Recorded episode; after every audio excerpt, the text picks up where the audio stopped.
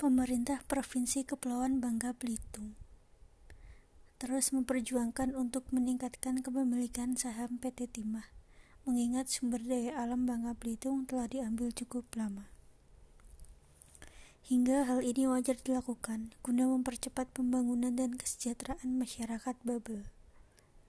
Untuk itu, Gubernur Erjaldi Rosman dan Wakil Gubernur Abdul Fattah berdiskusi sembari menikmati makan malam bersama anggota Komisi 4 DPR RI Dapil Provinsi Bangka Belitung Darmansyah Hussein yang juga selaku Ketua Presidium Bentukan Bangka Belitung di Cafe La Terese terkait rancangan undang-undang tentang APBN tahun 2021 Senin 14 September 2020. Perjuangan tersebut harus kembali diperjuangkan untuk mengingatkan, meningkatkan kapasitas fiskal bubble. Dalam meningkatkan fiskal, diperlukan berbagai macam strategi.